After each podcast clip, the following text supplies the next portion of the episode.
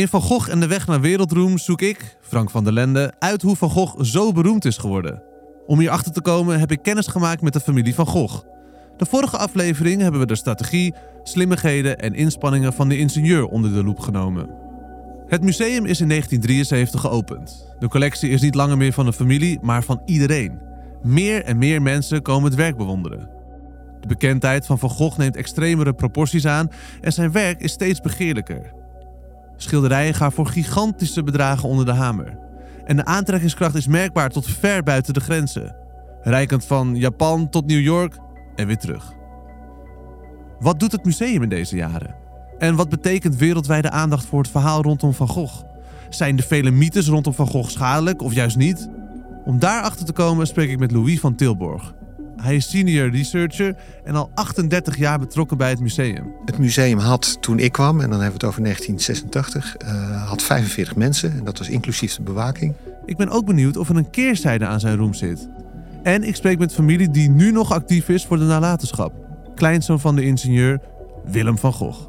Erop lag een stapel boeken en dat had hij een schilderijtje tegen aangezet van Van Gogh om naar te kijken. Dat, vond ik nou, dat vind ik nou zo'n ontzettend leuke aandoenlijke herinnering. Het was kennelijk heel erg opgesteld. Met de verhalen die zij mij vertellen, richt ik mijn eigen museum in. Een verhalenmuseum. En ik loop hier nu door de expositieruimte, die gelukkig steeds voller begint te raken. Maar er passen nog een paar verhalen bij.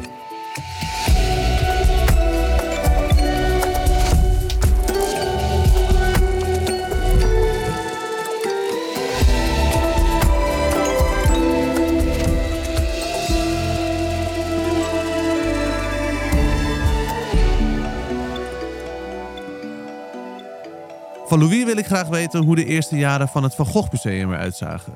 Nou ja, vooral duidelijkheid. Ons museum was een klein museumpje. En, uh, want we moeten, het is lastig om terug te denken wat het museum eigenlijk was in uh, 1973. Maar het is goed om in de gaten te houden dat het een museum was wat gebouw, gebouwd was voor 60.000 mensen. We hebben er nu tot voor kort, dus voor de corona, hadden we er meer dan 2 miljoen. En er is weliswaar een gebouw bijgekomen. Maar het geeft een beetje aan hoe groot dat museum is geworden. Uh, het museum had toen ik kwam, en dan hebben we het over 1986, uh, had 45 mensen. En dat was inclusief de bewaking. Uh, dus het was een heel klein museumpje. Nu zitten we dik in de 300, tegen de 400 aan. Misschien is het iets te veel, maar nou ja, daar zitten we ongeveer. bijna net zoveel als het Rijksmuseum, die bijna net zoveel bezoekers hebben als wij, of omgekeerd.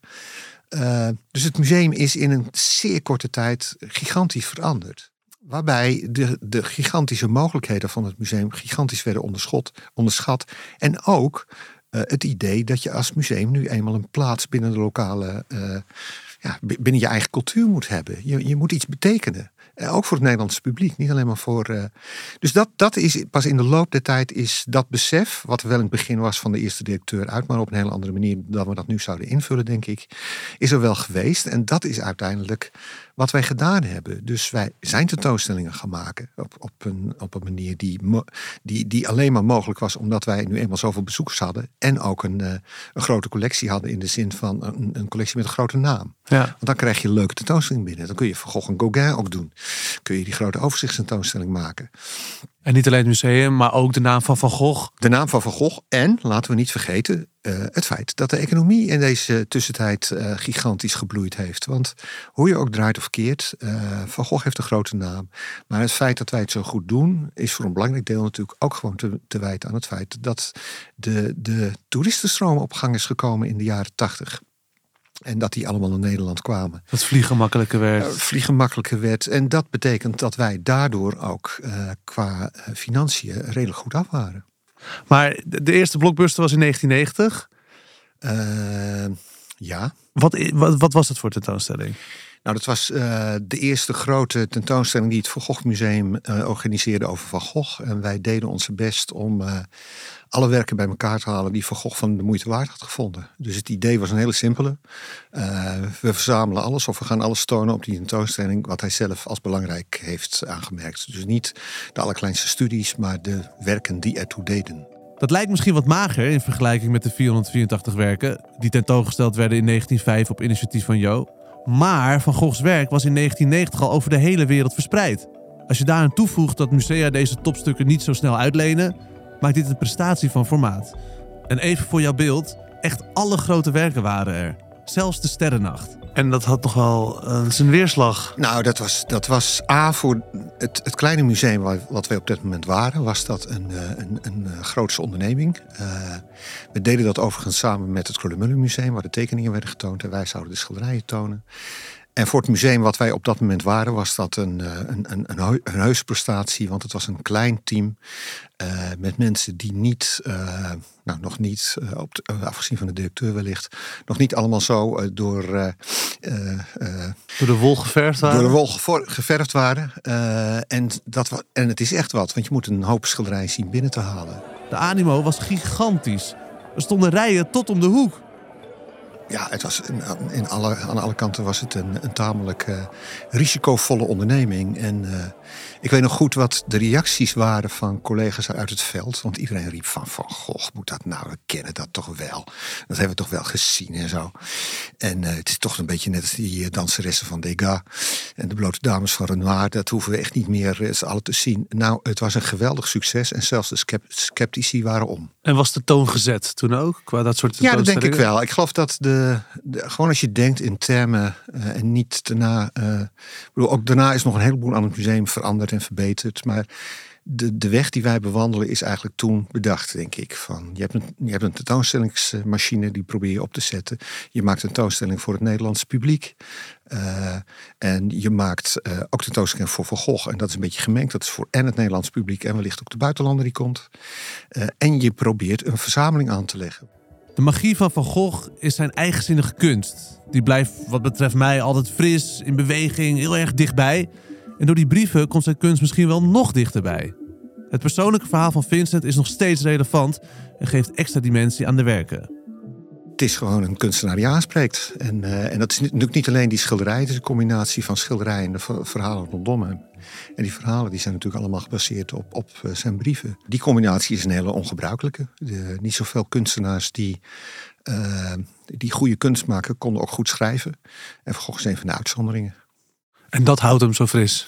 nou ja, wat je krijgt verhaal is, is. Nou, er zit een verhaal bij, je kunt het volgen. Kijk, wat er gebeurd is, is eigenlijk dat uh, doordat er die brieven allemaal gepubliceerd zijn van hem, leest iedereen zijn, zijn kunst als een soort van autobiografie. Dat is wat, uh, dat, wat aantrekkelijk is. Je weet dan wat er gebeurde, wat hij doormaakte. Uh, succes, ellende en nog zo wat. dus dat, ja, dat is te volgen. Kun je makkelijk mee identificeren. En het is ook nog eens kunst die natuurlijk aansprekelijk is, omdat het, ja, het is figuratief. En er zijn ook roddels over Van Gogh. Hè? Is dat goed of is dat schadelijk voor zijn imago? Maakt niet uit. Het, het, het maakt deel uit van de reputatie, denk ik. Dat krijg je nu eenmaal als je tot grote hoogte uh, stijgt. Ja, als je een naam wordt, dan komen er allerlei roddels of mythes over zo'n kunstenaar in omloop. En ja, ik heb daar geen oordeel over. Dat vind jij niet, want jij bent Van Gogh-expert. Je, je, je, deel van je leven heb je geïnvesteerd in die man. Ja. Vind je dat... Die horen erbij. En natuurlijk moet je ze bestrijden waar ze niet waar zijn. Maar ze horen er wel bij. Ze maken deel uit van die legende, denk ik. Duiken er nog wel eens nieuwe werken op van Van Gogh? Uh, ja, maar niet zo heel veel. En Wij hoe hebben... kan dat? Nou ja, dat heeft iets te... In, in principe kan het. Uh, je moet even bedenken dat Van Gogh was Mr. Nobody toen hij schilderde. Dus hij heeft nauwelijks iets verkocht. Was slechts bekend in een hele kleine kring op het einde van zijn leven. En met name in zijn Parijse periode moet hij heel veel hebben weggegeven, geruild of nou ja, misschien ook wel verkocht zal hebben, waarvan eigenlijk niemand wist wie dat was. Dus je ziet ook dat uit de Parijse periode duiken later veelal veel schilderijen op. Nou ja, de vraag is altijd hoeveel generaties uh, houdt dat vol? Uh, zonder een keertje naar de antiekhandelaar op de hoek te lopen of naar de kunsthandel te gaan. ja, dat kan een aantal generaties kan dat doorlopen. En ja, ik denk eerlijk gezegd dat we nu al een beetje tegen de grens aan zitten. Van Gogh is al jaren relevant, maar houdt die roem misschien ook ooit op? Is Van Gogh tijdloos geworden of zijn de werken nog enigszins gevoelig voor trends? Persoonlijk denk ik van niet, maar ja, ik ben historicus, dus je weet dat op een gegeven moment het anders kan gaan liggen. Uh, maar ik, ik vermoed van niet. En dat heeft iets te maken met het feit denk ik dat de echte waarde van Van Gogh zit in het feit dat iedereen die rond 20 is, nou ja, eigenlijk iedereen die tussen de 20 en zijn 40 zit, uh, uh, want na je 40 heb je een ander soort crisis in je leven, die denkt van ik moet iets van mijn leven maken. En die man is een voorbeeld in dat opzicht. Die wou iets en die wilde iets. En was daar toch, uh, hij is daar uiteindelijk niet gelukkig mee geworden, zou je kunnen zeggen. Maar toch, hij probeerde wat. En uh, dat spreekt aan. Hoe iedereen die twintig is, wil iets betekenen. Misschien dat ze vandaag de dag wat meer geld willen verdienen dan vroeger het geval was. Uh, maar goed, je zou bij hem kunnen zeggen dat het bij hem ook gebeurd zou zijn als hij niet uh, vroegtijdig uh, een keuze had gemaakt om een einde aan zijn leven te maken. We hebben het over de ontwikkeling van het museum. Er zijn veel hoogtepunten, maar ook wat dieptepunten geweest. Uh, dus uh, wij zijn tentoonstellingen maken, we zijn gaan verzamelen. Uh, en ja, dat doe je allemaal in het begin op een manier wat je denkt van ja, je moet, je moet er ergens mee beginnen. En we zijn onderzoek gaan doen. Ook dat is een belangrijke tak in het museum. Om de doodvoudige reden dat wij dachten dat als je het moment dat je uh, dat je onderzoek doet aan Van Gogh, dan heb je altijd kennis in huis en dat vernieuwt zich voortdurend. En dan, ja, dat kun je uitdragen in tentoonstellingen. Maakt ook deel uit van het feit dat je die kunstenaar levendig houdt. En af en toe overvallen je ook dingen. Dus we hebben uh, een paar keer een roof gehad van werken. En ja, uh, achteraf denk ik van ja, het is gebeurd. Dat Van Gogh begeerlijk is, wordt duidelijk. Maar dit trekt ook mensen met kwade bedoelingen aan. In 2002 dringen kunstdieven het museum binnen en ontvreemden twee schilderijen. Philip Freriks. Dames en heren, goedenavond. Met onwaarschijnlijk groot gemak, zo lijkt het, hebben inbrekers twee schilderijen van Vincent van Gogh weten te ontvreemden. Uit het zwaar bewaakte museum dat naar 's werelds beroemdste schilder is vernoemd. Een klassieke inbraak zou je kunnen zeggen, want de inbrekers lijken het simpel te hebben aangepakt. Aan de achterkant met een ladder het dak op, een ruit inslaan met een moker, snel de buit ophalen en aan de voorkant met een touw weer naar beneden. En dat onder het oog van een hele batterij camera's. Een schok voor iedereen bij het museum, de familie en de talloze fans van de kunstenaar. Het was wereldnieuws. Kunstroven komen wel eens voor, maar deze dan nogal een nare nasmaak, omdat de werken 14 jaar lang spoorloos waren. Na zo'n tijd is de kans klein dat kunst weer bij zijn rechtmatige eigenaar terugkomt. Maar er gloort hoop, want in 2016 was dit wel het geval. De Guardia di Finanza, een speciaal team van de Italiaanse politie, ontdekte het gestolen waar in Napels. Dat gebeurde tijdens een groot onderzoek naar georganiseerde misdaad. Tijdens een inval in het huis van drie topstukken van de Napolitaanse maffia trof de politie tal van bijzonderheden aan. Containers met vliegtuigen, geheime kamers en de Van Goghs. Na onderzoek bleek dat dit de verdwenen stukken uit het museum waren. De blijdschap en opluchting was enorm. Twee gestolen schilderijen van Vincent van Gogh zijn terecht. Er komt echt een belangrijk stuk Nederlands erfgoed terug voor alle Nederlanders. Een van de schilderijen, Zeegezicht bij Scheveningen, was wel flink beschadigd. Er was een stuk verf weg. Het museum nam de taak op zich om beide werken zorgvuldig te onderzoeken en te restaureren. Sindsdien zijn ze weer te bewonderen voor de bezoekers. Zoals in dit verhaal pijnlijk duidelijk wordt, de droom van Vincent. Theo, Jo en de ingenieur is er één die beschermd moet worden. In de huidige tijd de taak van het museum en de Vincent van Gogh Stichting. Een van de poortwachters van die droom is de kleinzoon van de ingenieur, Willem van Gogh. Op welke manier is de familie nu betrokken bij het werk van Vincent? En hoe was de overgang van familiecollectie naar publiek bezit? Want eerst hing al het werk gewoon in het huis van opa. Uh, ja, puur even uit nieuwsgierigheid. Hoe is het om een Van Gogh te zijn? nou ja, dat is heel bijzonder en dat is ook heel gewoon. En uh, heel gewoon in de zin van dat ik gewoon naar school ben gegaan en uh, vrienden heb en uh, hou van Amsterdam. En heel bijzonder, omdat ja, ik onderdeel ben van een familie met een kunstenaar die zijn weerga eigenlijk niet kent. En als je je dan voorstelt aan, aan mensen in binnen- en buitenland, zie je dan iets gebeuren? Nou, in Nederland valt het uh, wel mee. En uh, soms heb ik ook wel eens de ervaring dat ik voor een derde keer bij, uh, bij, de, bij de kleermaker kom en mijn naam opgeef en die dat niet weet. In Nederland gaat het rustigjes, maar in het buitenland zeggen mensen, zei je nou Van Gogh? En dan zeg ik, ja, echt familie. En dan hoor je heel vaak hoor je ook een verhaal dat ze zo gek zijn op, op de zaaier. Of dat ze een brief hebben gelezen of naar tentoonstelling zijn geweest. En ja, dat vind ik wel heel bijzonder. Mensen komen wel meteen met verhalen. Heel me. vaak wel, ja. Um, dan eventjes naar jouw leven. Je bent uh, advocaat geweest um, en op je 45ste ben je toch ook in de kunst gekomen bij het Van Gogh Museum. Is, wilde je dat per se? Had je dat ooit bedacht als een, een Van Gogh? Nou, dat had ik eigenlijk helemaal niet bedacht. En uh, van jongs af aan, omdat ik als ik dus bij een nieuwe school mee in moest schrijven, dan zeiden ze, hey Vincent van Gogh. En dan zei ik natuurlijk meteen, ja, ik word Willem genoemd. Maar dat speelde altijd wel op die manier een rol. En uh, ik dacht intuïtief, ik moest maar geen uh, Van Gogh-expert gaan worden. Dat vond ik zo voor de hand liggend. Ondertussen hield ik wel van het werk van Van Gogh. Ook sowieso van kunst, uh, moderne kunst, hedendaagse kunst. Dat is eigenlijk altijd gebleven. Maar ik ben me, ik heb dus het verhaal en alles eigenlijk wat op afstand gehouden. Maar door mijn grootvader ben ik wel heel erg bij betrokken. En uh, ja, die schilderijen die hingen bij hem thuis. En hij nam me wel eens mee als een bespreking had in het Stedelijk Museum. Waar voor het Van Gogh Museum een deel van de collectie was ondergebracht. En uh, dus ik ben mijn eigen weg gegaan en uh, advocaat geworden. Met nog altijd belangstelling voor kunst. En toen het museum vroeg of ik voor het museum wilde gaan werken, dacht ik, nou, dan is nu een moment, was ik 45, kennelijk ontwikkeling ook in mijn leven, dat, uh, dat ik het fijn vind om ook mijn verantwoordelijk te nemen en hij te nemen en iets bij te dragen aan het erfgoed van de twee broers, zoals ik het heel graag noem. Zien Vincent en Theo. Ja, want alle aandacht gaat naar Vincent van Gogh. Maar inmiddels in deze podcast ook te weten te komen, is de rol van Theo super groot.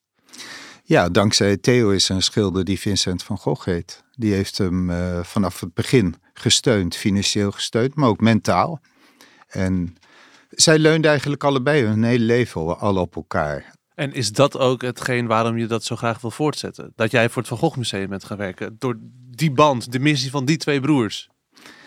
Nou, ik herken me er in ieder geval heel erg in. En uh, ik denk dat het heel goed is, uh, ons museum, om het werk en, en, leven van Vincent te laten zien. Uh, zijn betekenis als vernieuwer. En ook de invloed en de betekenis van Vincent op latere kunstenaars, die nog altijd gigantisch is. Als ik een kunstenaar ontmoet en er komt duidelijkheid over mijn naam, ja. dan zegt ze heel vaak: Oh ja, maar ik ken zijn brieven. Of uh, ik ben in Arles geweest, ja. ik heb daar werk gemaakt. Is het dan, als je zo'n gesprek voert, een last of een lust met zo'n met zo'n nieuwe kunstenaar, dat je een Van Gogh uh, bent? Vind ik echt heel fijn om te doen. Maar dat, nee, dat die inspiratie nog steeds uh, voortduurt. En dat er iemand is die uh, voor zoveel mensen wat kan betekenen. Maar geef je dan ook de filosofie van de familie mee? Wat jij zo bewondert ook in de broederschap. ja bewonder je ook. Je zegt, ik herken me daarin. Dat, dat familiegevoel is, wat ik nu ook alweer merk tijdens het maken van deze podcast, is wel heilig bij, bij de Van Goghjes. Het Ja. familiegevoel. Klopt dat? Het familiegevoel, uh, vriendschap, inspiratie en verbinding. En dat is wel wat ik meegeef. Dus uh, over, ja, waar ik wel heel erg geïnteresseerd ben als ik met een kunstenaar spreek. Uh. Je bent nu ambassadeur van het Vincent van Gogh Museum. Wat doe je als, als ambassadeur? Ik werk vooral, uh, ik heb verschillende rollen. Ik heb ook een, uh, hoe noem dat, een representatieve rol. Dus uh, vertegenwoordig het museum in voorkomende gevallen. En ik focus vooral op uitbreiden van het internationale netwerk van verzamelaars, eh, kunstverzamelaars en kunstliefhebbers.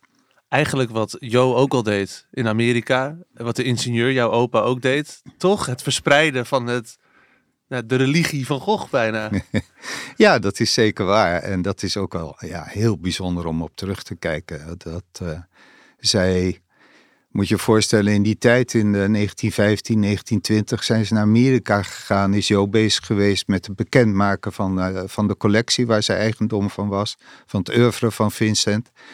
Denk ik, als vrouw uit Nederland, uit Amsterdam, en ben je opeens in zo'n groot land. En dan weet je, we wisten ook nog de, kunst, de belangrijke kunstverzamelaars te vinden. Heel indrukwekkend hoor. Is het, um, kan het nog groter worden? Ik denk dat de invloed en de betekenis van Vincent van Gogh, dat dat blijft eigenlijk toenemen. Ook, uh, hij is heel toegankelijk voor mensen over de hele wereld. Dat is wat hem zo bijzonder maakt, naar mijn idee. Het gaat over het dagelijks leven en het gaat over het hele leven wat Vincent uh, laat zien. Nog heel even naar die familie, hè? want uh, ja, opa was dan de ingenieur. Ja. Ja, jij zei in het begin, daar hingen dan gewoon Van Goghs aan de muur. Waar en welke? Hoe, hoe ziet dat eruit? Kun je dat plaatje schetsen voor mij? Nou, dat was toen ik opgroeide. En uh, hij had een mooie villa in Laren, dus zo'n 30 kilometer van Amsterdam. En ja, dat weet ik echt nog heel goed. Uh, dat huis dat hing eigenlijk wel vol met uh, beroemde schilderijen. Dus uh, in de zitkamer hing het allerbelangrijkste schilderij wat Vincent gemaakt heeft. De amandelbloesem, een van de mooiste schilderijen. Is daar ooit. er maar één van trouwens? Daar is maar eentje Dat van. is echt die uh, jouw overgroot... Nee, jouw opa kreeg toen hij geboren Het is werd. geschilderd voor de gelegenheid Ja. van, uh, van de geboorte van mijn opa. Ja. Ja. En dat, Ja. daar is er één van, want er zijn er van, de andere grote werken zijn er vaak wel meerdere. Van de zonnebloemen zijn er vijf. Ja. De aardappeleters zijn er drie, maar niet zo vaak. Maar terugkomend op het huis van mijn grootvader. Ja, wat ik zo'n ontzettend leuke herinnering vind. Nou ja, het belangrijkste is natuurlijk wat zo bijzonder is dat daar de amandelbloesem hing in de zitkamer. Daar hing de oogst. Uh, La Croix, dat is dat opgestapelde schilderij waar de oogsten in te zien is. Met drie huizen die aan één kant zo worden aangelicht. In de keuken hing de aardappeleters. Heel slecht voor het schilderij, denk ik, als het in de keuken hangt. Qua je had het net over klimaat, temperatuur, licht, uh, noem maar op. Er werd ook gezellig gerookt in de, nee. onder de schilderijen. Uh, we pakten ze met de handen pakten ze op. Ja, ja, als er nu een schilderij in het Van Gogh Museum verplaatst wordt, dan weet ik niet of ik daar eigenlijk wel bij mag zijn. Zo, zo zorgvuldig en precies uh, gebeurt dat. Maar mijn leukste herinnering Ja, is, ja. Is, is dat, ja, hij had 200 schilderijen van Van Gogh in privé-eigendom. Die heeft hij later dus helemaal overgedragen aan de Van Gogh Stichting. En 100 daarvan had hij thuis en 100 had hij ondergebracht in het Stedelijk Museum. Daar waren de Van Goghs te zien tot 1973. En dus het heel veel. En de leukste herinnering die ik heb, had dan een werkkamer, studeerkamer. Daar voelde ik me heel erg thuis, want die stond vol met boeken. Hij had ook iets behagelijks daardoor, iets warms en gedempt geluid. En dan had hij een stapel, had zo'n houten ouderwets bureau. Daarop lag een stapel boeken en daar had hij een schilderijtje tegen aangezet van Van Gogh om naar te kijken. Dat, vond ik nou, dat vind ik nou zo'n ontzettend leuke, aandoenlijke herinnering. Het was kennelijk heel erg opgesteld. Was een, uh, een landschapje in de Provence. En dat Ja. was de grootte van een A4'tje, waardoor Ja. je tegen een boek kon aanstaan. Ja, ja. En daar, ging je dan voor zitten en naar kijken, denk je. Nou, dat stond, eh, zoals, zo- zoals je sommige mensen foto's van hun geliefde hebben staan. ja. Als van, hun geliefde stond daar een schilderijtje. Ook dat zo ontzettend aandoenlijk dat hij het, ja. Maar eh, wist jij dat die schilderijen die daar in dat hele huis hingen zoveel waard waren, zo bijzonder waren? Nou, de bijzonderheid wel. En eh, de waarde, dat was toen nog niet zo heel erg hoog. Hoewel Van Gogh na de oorlog, ik ben van 1953, dus opgegroeid in de 50er, 60er jaren. Als tiener, zou ik maar zeggen. Eh, toen was Van Gogh al de bekendste kunstenaar, absoluut. Alleen die prijzen die waren nog niet zoals ze nu zijn. En die hingen daar in zijn, in zijn huis van jouw opa. En daar, daar, daar kwam ook misschien wel eens een bal tegenaan als je aan het voetballen was binnen. Ja, nou, dat eh, deed ik niet. En ik, het verbaast mij terugkijkend ook wel, want ik ben natuurlijk ook puber geweest, dat, ik, eh, dat, je daar nooit wat mee, dat ik daar nooit wat mee gedaan heb. Ik zat toch. Ik herinner me ook wel dat ik was benieuwd was wat er nou onder zo'n kloddertje verf zat, hoe het doek er dan uitzag. Maar het had, ik had er toch Toch een, nooit soort, aangekrapt met je vinger. toch een soort intrinsiek respect voor dat ik dat toch maar niet gedaan heb. Eh, je vertelde dat de amandelbloesem in de zitkamer hing bij jouw opa, de ingenieur. Maar die heeft ook rondgezworven, neem ik aan, door, door allerhande huizen en kamers. Nou, dat is eigenlijk ook wel een heel bijzonder verhaal. Want aan het eind van, eh, van mijn vader zijn leven, toen, raad, toen raakten we wat meer aan de praat over anekdotes en hoe is het nou precies gegaan met die collectie. Hoe was het nou om ertussen op te groeien? En eh, toen zei hij, ja, de amandelbloesem die, eh, die hing bij ons in de, in de jongenskamer, zei mijn vader. Hij had twee broers en met z'n drieën sliepen ze in de jongenskamer. Ik zei, ja, maar pa, dat is het belangrijkste schilderij van de, voor de familie en voor de betekenis van de collectie en het museum. Want het staat voor de verbinding van de familie, de collectie en de bouw van het museum. Omdat die aan de oprichter is, eh, is eh, opgedragen. Zei hij, ja, moet je nog iets zeggen? Dat als opgroeiende jongens hadden we ook wel eens kussengevechten in onze jongenskamer. Ik zei, nou ja, het is niet te geloven. Hij zei, maar gelukkig, kijk maar in het museum, zei hij, hangt het in uitstekende staat en is er nooit wat gebeurd. Eh, Het is vast wel eens eentje naar beneden gekomen of eh, to- toch? ja, maar er is nooit eigenlijk schade geweest. Er is wel bij grootvader is eh, brand in huis geweest. En toen zijn een, een aantal tekeningen, die waren nat geworden. En die hebben ze toen in een veldje wat voor het huis was, hebben ze die in de zon te drogen gelegd. En dat is wel goed gekomen, want ze zeiden nog. Die zijn er. Liggen dus dan de fiets die daar langs en dan zag je schetsen van Ja, Van Gogh ja, liggen zeker. voor de deur. Ja, Oh, wat een verhalen. Wat een heerlijk. ik dacht laatst had ik ook nog een herinnering dat eh, voor de opening, in de aanloop naar de opening van het museum, dat was op 2 juni 1973. Ik had een hele goede relatie met mijn grootvader, logeerde wel eens in de herfstvakantie, wel eens een weekend. En eh, had hem dus ook wel eens aan de telefoon. Eigenlijk dat half jaar voordat dat museum op, open ging, kreeg ik door dat die schilderijen stuk voor stuk naar eh, het huis uitgingen. En gaandeweg dacht ik, nou, ik vond het zelf wel heel erg jammer. Dat, eh, om er naar uit te zien dat die daar niet meer zouden hangen. Maar ik dacht, dat moet toch ontzettend sneu voor opa zijn. Dat, eh, dat alles waar hij zijn leven lang mee omringd is geweest, dat dat het huis verlaat en naar Amsterdam gaat. En wat heb je toen gedaan? Ik dacht, daar moest ik maar eens een goed gesprek met hem over voeren. En ik was toen 19, dus dat, dat, dat leek me wel iets wat, ik me, eh, wat goed zou zijn voor mijn grootvader. Maar eh, het kwam er niet van. Ik logeerde niet nog voor de opening van het museum bij hem, dus dat zou dan najaar worden. Maar toen zag ik hem op de opening van het museum, zag ik hem iedereen rondleiden en vertellen wat hij aan het doen was. Toen was hij zo stralend dat ik dacht dat het goede gesprek hoeft niet plaats te vinden. Want dat was gebeurd, zijn droom was werkelijkheid geworden. De droom is werkelijkheid geworden. Als ik terugkijk op het verhaal vind ik het ongelooflijk om te zien hoe de familie, met alle tegenslagen van dien, het voor elkaar heeft gekregen om Vincent van Gogh en zijn werk te vereeuwigen.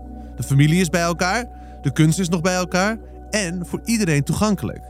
Alle lagen van de bevolking kunnen zich verenigen in één gebouw.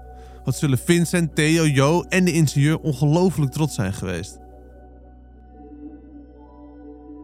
Het verhaal wat ik uitkies voor in mijn verhalenmuseum na aanleiding van deze aflevering is toch wel de roof. Een spannend verhaal en vooral dan dat het uiteindelijk bij de maffia in Italië terechtkomt. Zie je het voor je? Zie je koffers met geld, en krokodillen die diamanten bewaken en dan daar twee van Vincent van Gogh. Die schilderijen daartussen. Ja, dat plaatje dat gaat niet meer van mijn netvlies. Het museum is open, bestaat 50 jaar. Maar hoe gaat het nu verder met de roem van Vincent van Gogh? Is het verhaal klaar? Nu alle schilderijen zo aan de muur hangen, Vincent wereldberoemd is en iedereen zijn verhaal kent? Ik ben nog wel benieuwd hoe de roem en het verhaal van Van Gogh in de huidige tijd beleefd wordt.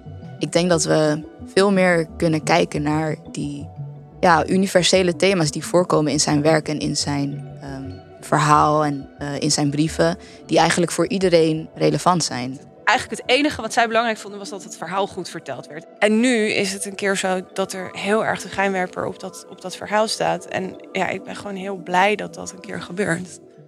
En hoe kijk ik terug op het verhaal? Dit hoor je in de volgende aflevering van Van Gogh en de weg naar wereldroem.